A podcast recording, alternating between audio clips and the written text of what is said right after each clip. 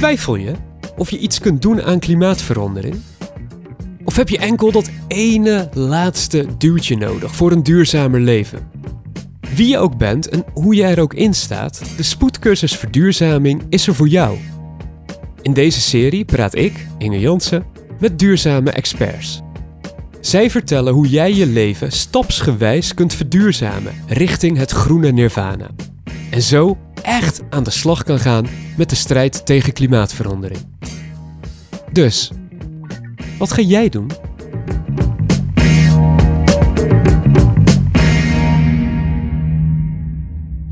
Goed nieuws, je bent er bijna. Want nu je zelf helemaal om bent en aan de slag gaat met duurzaamheid, wil je natuurlijk ook dat anderen dat gaan doen.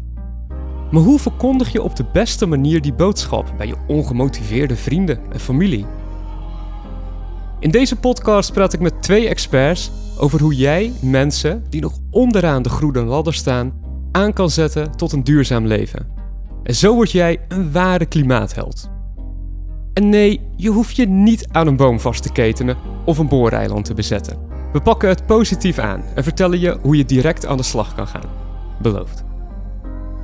Ik zit in de huiskamer van Babette Porcelein. Babette is schrijver van De Verborgen Impact, het handboek uit 2016 voor een eco-positief leven, dat inmiddels aan zijn vijfde druk toe is.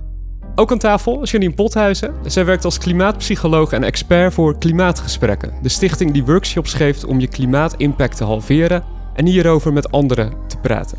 Als het met jullie niet lukt om deze stap te zetten, dan weet ik het ook niet meer. Dus dit moet gaan lukken. Maar voordat we daaraan beginnen, we moeten het eerst even over iets hebben. De grote roze activistische olifant in de Kamer. Want het feit dat deze uitzending gaat over hoe ga je dit tegen anderen vertellen, betekent dat je op het domein komt van activisme. En bij activisme denk je, Babette, aan? Ja, daar wil ik helemaal niet uh, bij horen. Geen zin in. Nee hoor, dat wil ik niet zijn. Janine, ligt dat nee. bij jou ook zo gevoelig, die term? Ja, ik merk dat, uh, dat ik inst- ingestapt ben in, uh, in de beweging op het moment dat activisme eruit is. Dus ik vind het leuk om samen positief vooruit te bewegen.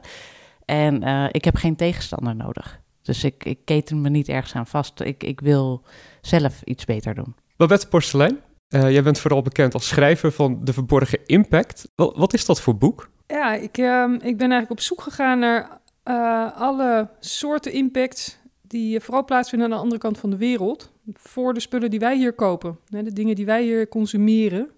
En ik wilde weten hoe, hoe erg dat is en waar dat allemaal in zit. En daar gaat het boek over. En uiteraard ook van wat kan ik daar dan zelf aan doen. Dat vind ik het meest interessante gedeelte eigenlijk. Kun je vertellen hoe dat jou zelf veranderd heeft? Je bent dat boek gaan schrijven, je bent onderzoek gaan doen, je bent achter dingen gekomen.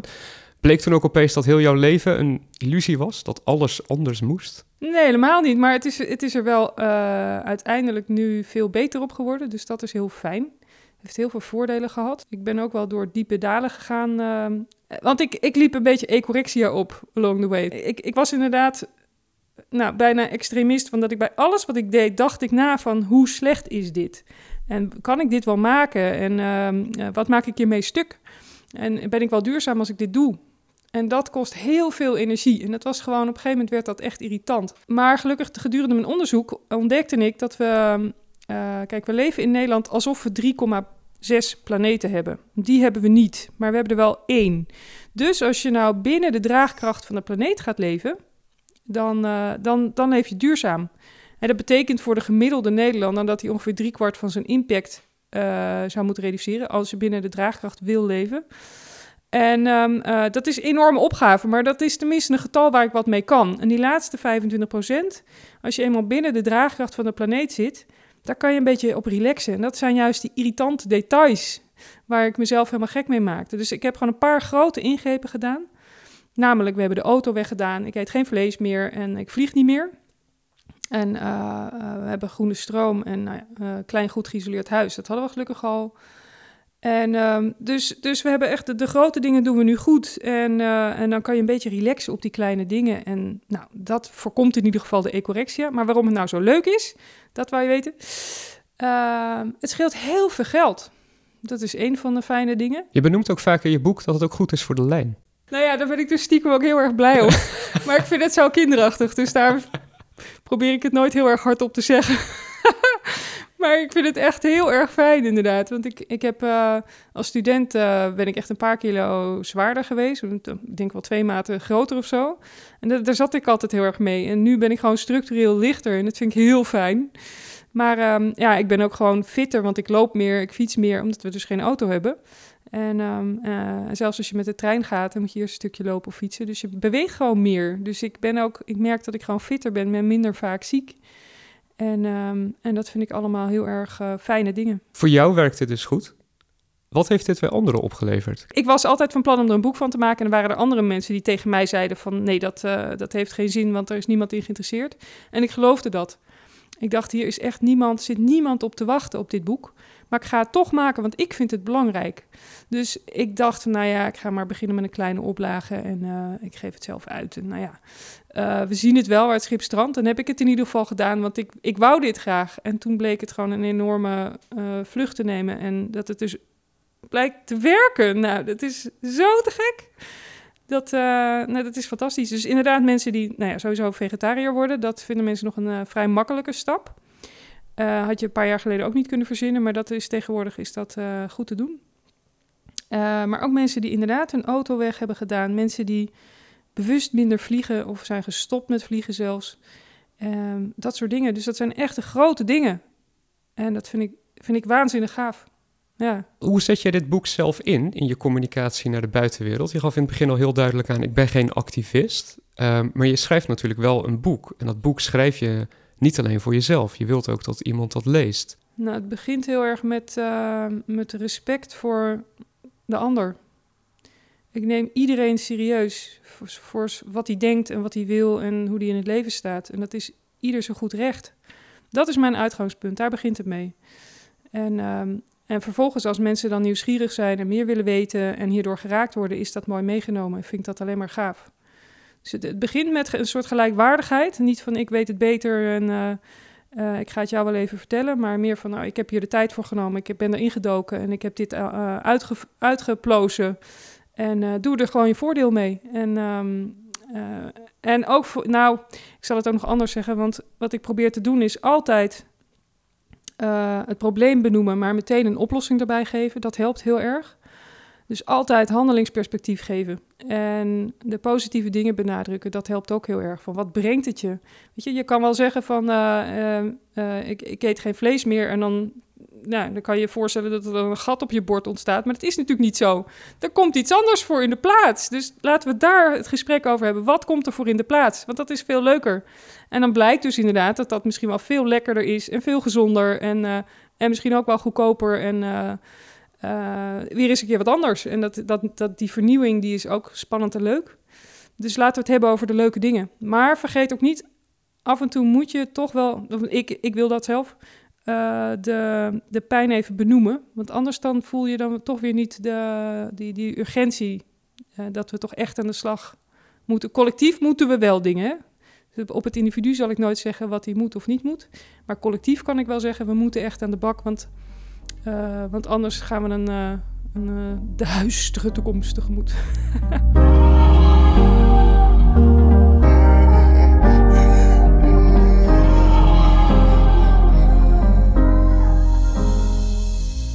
Janine Pothuizen, jij bent uh, zelfstandig klimaatpsycholoog en gespreksleider bij Klimaatgesprekken. Beginnend bij het eerste, wat is een uh, zelfstandig klimaatpsycholoog? Ja, het klinkt spannender dan dat het is, maar ik ben gedragskundige en uh, veranderkundige en van oorsprong opgeleid als psycholoog. En daar heb, heb, ik het woordje klimaat voor gezet uh, naar inspiratie van, uh, van Manu uh, Buschot, die de oprichter is van Klimaatgesprekken. Wat zijn klimaatgesprekken? Klimaatgesprek kan je op twee manieren invullen, namelijk een gesprek over het klimaat, zoals wij dat nu aan het voeren zijn. Dat zou een klimaatgesprek kunnen zijn. Maar Stichting Klimaatgesprekken is een, is een stichting die workshops-series organiseert, zes workshops achter elkaar waarin je eigenlijk op het moment dat je denkt van ja, ik heb het gevoel, ik maak me zorgen over het klimaat, over de klimaatverandering. En ik heb stiekem voel ik dat ik, dat ik iets meer kan doen, maar ik weet niet hoe. Uh, nou, misschien zelfs, ik heb het boek van Babette gelezen, maar nog vind ik het moeilijk om dan die stap te gaan maken. Uh, dan, is het, uh, dan is het handig om in een groep bij elkaar echt samen te gaan kijken naar die stappen. Dan wordt het ook leuker van, dan wordt het gezellig van en inspirerend van. Dus in zes workshops kijk je met elkaar van wat kan ik nou anders doen. Wie doen hier aan mee? Zijn het individuen die zich hiervoor inschrijven? Zijn het bedrijven die langskomen? Het zijn uh, in eerste instantie individuen, dus het zijn echt huiskamergesprekken. En het gebeurt ook bij bedrijven. Steeds meer, gelukkig. Hoe pak je dit aan? Kun je dit wat concreter maken? We zitten daar bij elkaar in die huiskamer van jou. En dan? En, en dan, uh, dan kijken we in de eerste workshop naar uh, waar hebben we het over. Uh, dus nee, we vullen in wat is mijn, voet, wat is mijn voetafdruk eigenlijk. Um, waar maak ik me zorgen over? Hoe zijn de grootste zorgen? wat, hoe werkt het eigenlijk bij mij om te veranderen? Wat heb ik eigenlijk nodig om te veranderen? Want je hebt altijd al veranderingen in je leven doorgemaakt. Maar wat zijn nou bij jou de triggers die leiden tot verandering? En uh, dan, dat is de eerste workshop. En de tweede workshop gaat over uh, reizen. We hebben de workshop voeding, spullen en de workshop woning. En de laatste workshop gaat over het klimaatgesprek. Dus eigenlijk waar we het vandaag ook over hebben. Hoe voer ik nou dit gesprek met anderen? Hoe voer je dat gesprek met anderen? Wat raad je? Stel, ik kom bij jou. Ik zit in aflevering 6 van jouw workshop. In jouw huiskamer. Pen en papier bij de hand. Wat vertel je mee? Nou, de, de vraag is met welke intentie voer je het gesprek? Hè? Dus is jouw intentie, dus dat is mijn eerste vraag. Wat is je doel van het klimaatgesprek voeren? Is jouw intentie die anderen willen veranderen? Uh, wil je iemand overtuigen?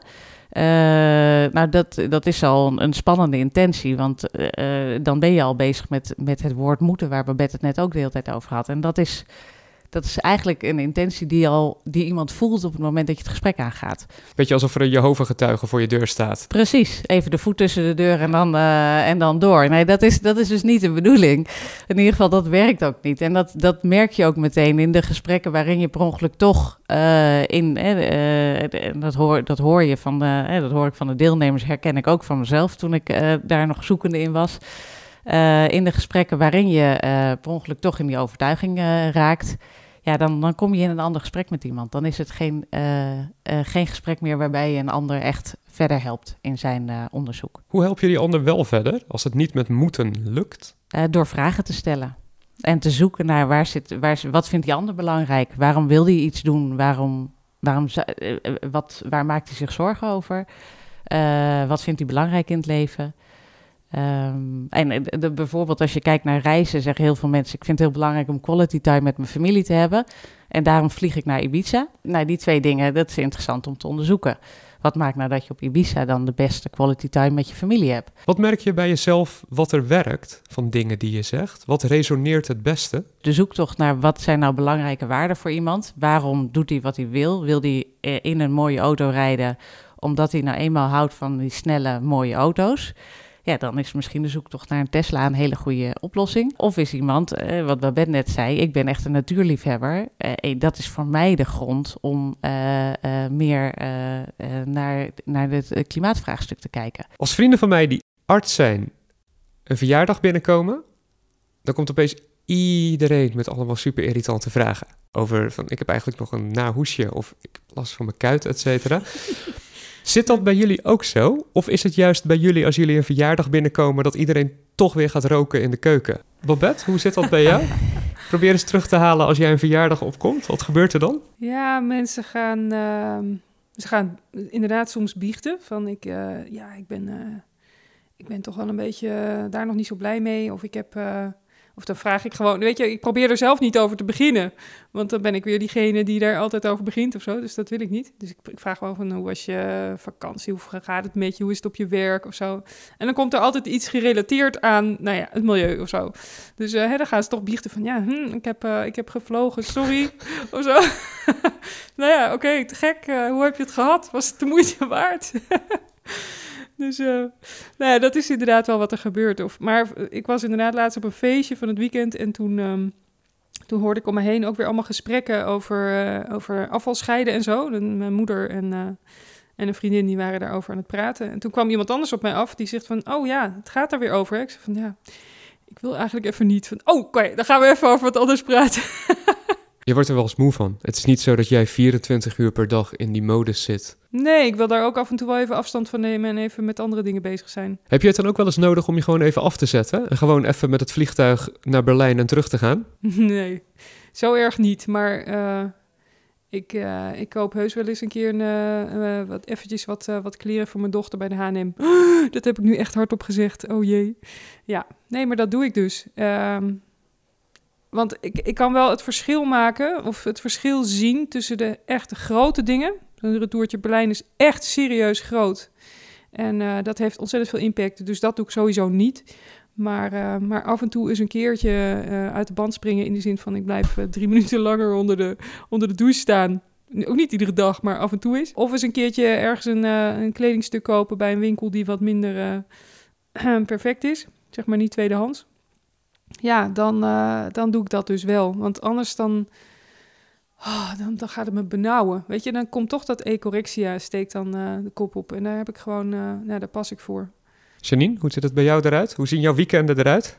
Nou, mijn weekenden zijn nog steeds als voorheen. Uh, ik heb gewoon leuke weekenden met vrienden. Uh, en ik hoor, ik raakte net, Babette zei net twee dingen waarvan ik dacht, ja, dat herken ik heel erg. En dat is ook de reden waarom mensen het lastig vinden om het gesprek aan te gaan over, uh, over klimaat. Uh, want dat gaat heel erg over uh, uh, enerzijds de angst dat, dat jij ineens gezien wordt als het geweten.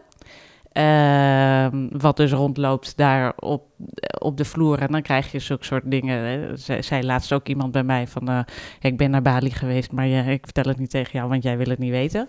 Terwijl ik denk, nou, dat vind ik echt jammer... want ik wil best weten hoe jouw vakantie was. Ja. Um, en uh, het tweede is, er is een angst dat, uh, dat je afscheid moet gaan nemen van vrienden. Dat vrienden zich tegen jou gaan keren.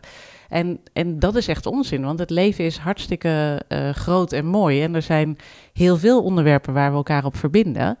Um, en ja, uh, dit is er één van. En ik, het is juist goed om met elkaar de waarde van het leven ook te bespreken.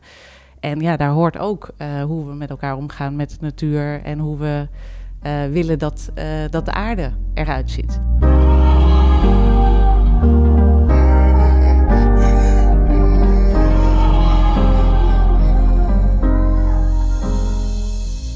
Onze luisteraars, de luisteraar, komt op een feestje, komt op een partij, heeft eindelijk de handschoen opgevat om te denken: ik ga naar buiten treden met dit woord. Als er een gesprek komt, ga ik daar iets over vertellen. Dan zullen zij grofweg altijd dezelfde dingen terug horen. En die wil ik even één voor één met jullie behandelen om te kijken van hoe gaan we daarmee om, als een soort uh, praktijkvoorbeeld. Janine, jij praat met iemand, hoera, we zijn bezig met uh, het eco-positieve leven, waarna iemand zegt: ja, maar ik eet al minder vlees. Ja, geweldig.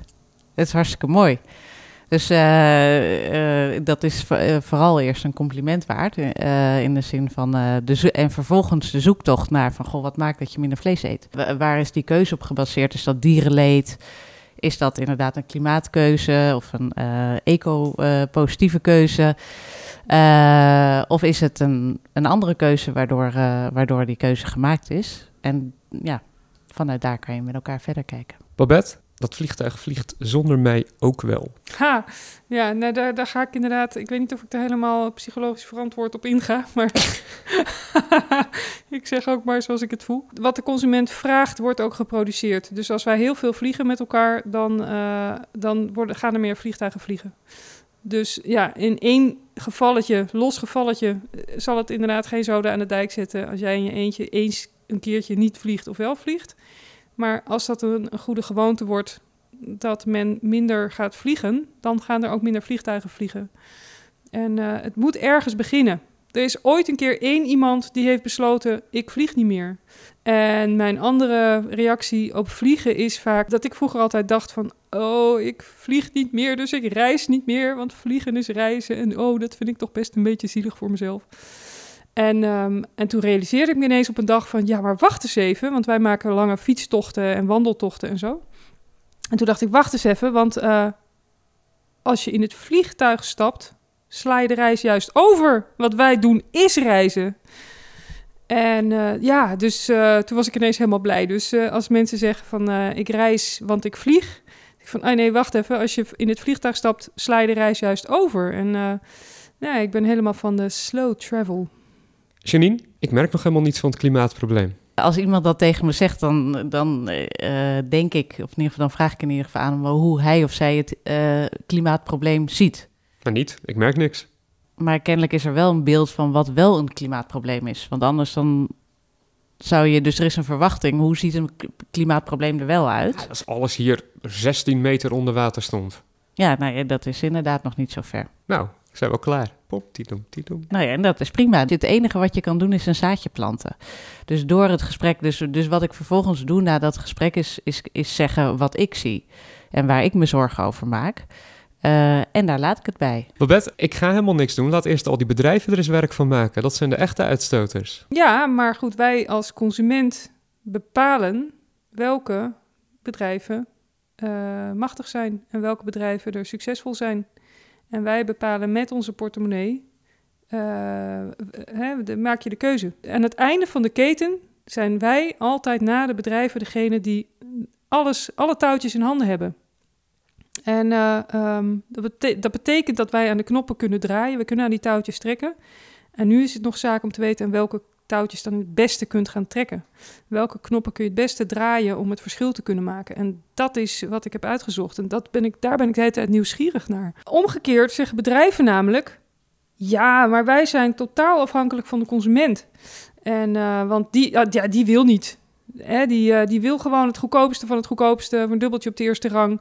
En eh, als ik mijn product duurder maak... want dat is natuurlijk, het kost geld om, om iets minder ranzig te produceren... Ehm, als ik het duurder maak, dan kopen ze het niet meer. Dan gaan ze gewoon naar de concurrent. En die heeft geen gewetensvroeging. Die gaat gewoon lekker door met er een, eh, een zootje van maken. Dus ik, dat, ik moet wel. Want de consument. Dus iedereen wijst naar elkaar. Want hè, mensen wijzen ook makkelijk genoeg naar de politiek en zo. Maar die wijzen ook weer terug naar ons. Ja, je moet toch mandaat hebben van de, eh, van de kiezer. En hè, wij bepalen natuurlijk eh, als consument of als burger, als kiezer ook wie er de macht heeft. Dus iedereen zit een beetje naar elkaar te wijzen. We hebben iedereen nodig om dit voor elkaar te krijgen. Als laatste voor deze podcast. Mensen hebben dit geluisterd. Ze zijn, als het goed is, op het punt dat ze denken... "Hmm, ik wil dit gaan verspreiden in mijn wereld. Ze stoppen de opname. Ze lopen naar buiten. Wat doen ze, Janine? Eh, vooral eh, genieten van hoe, hoe ze nu in het leven staan en dat uitdragen. Babette? Op zoek gaan naar waar je de meeste verschil mee kan maken. En dat gaan doen. Dus ga bij jezelf na van is dat in mijn werk of is dat op school of is dat eh, eh, als consument of, of is dat eh, juist bij mijn vrienden en mijn familie om hun te inspireren. En waar haal ik de meeste, zelf voor mezelf de meeste energie uit? Waar ben ik goed in? Ehm, wat vind ik leuk om te doen en waar wil de wereld voor betalen is ook altijd wel fijn. En, eh, en vervolgens van oké, en dan dat het allergrootste waar je het meeste verschil mee kan maken, dat gaan doen. Je luisterde naar de Spoedcursus Verduurzaming. Een podcast van Anouk Burgman en Inge Jansen voor Vrij Nederland. De hele spoedcursus vind je op www.vn.nl slash spoedcursus. Hier kun je ook de hoogtepunten per podcast bekijken als strip, gemaakt door Meili Nieuwland. Bovendien vind je op www.vn.nl slash spoedcursus een quiz om te bepalen in welke duurzame fase jouw leven zich bevindt en welke aflevering van de podcast het beste bij jou past.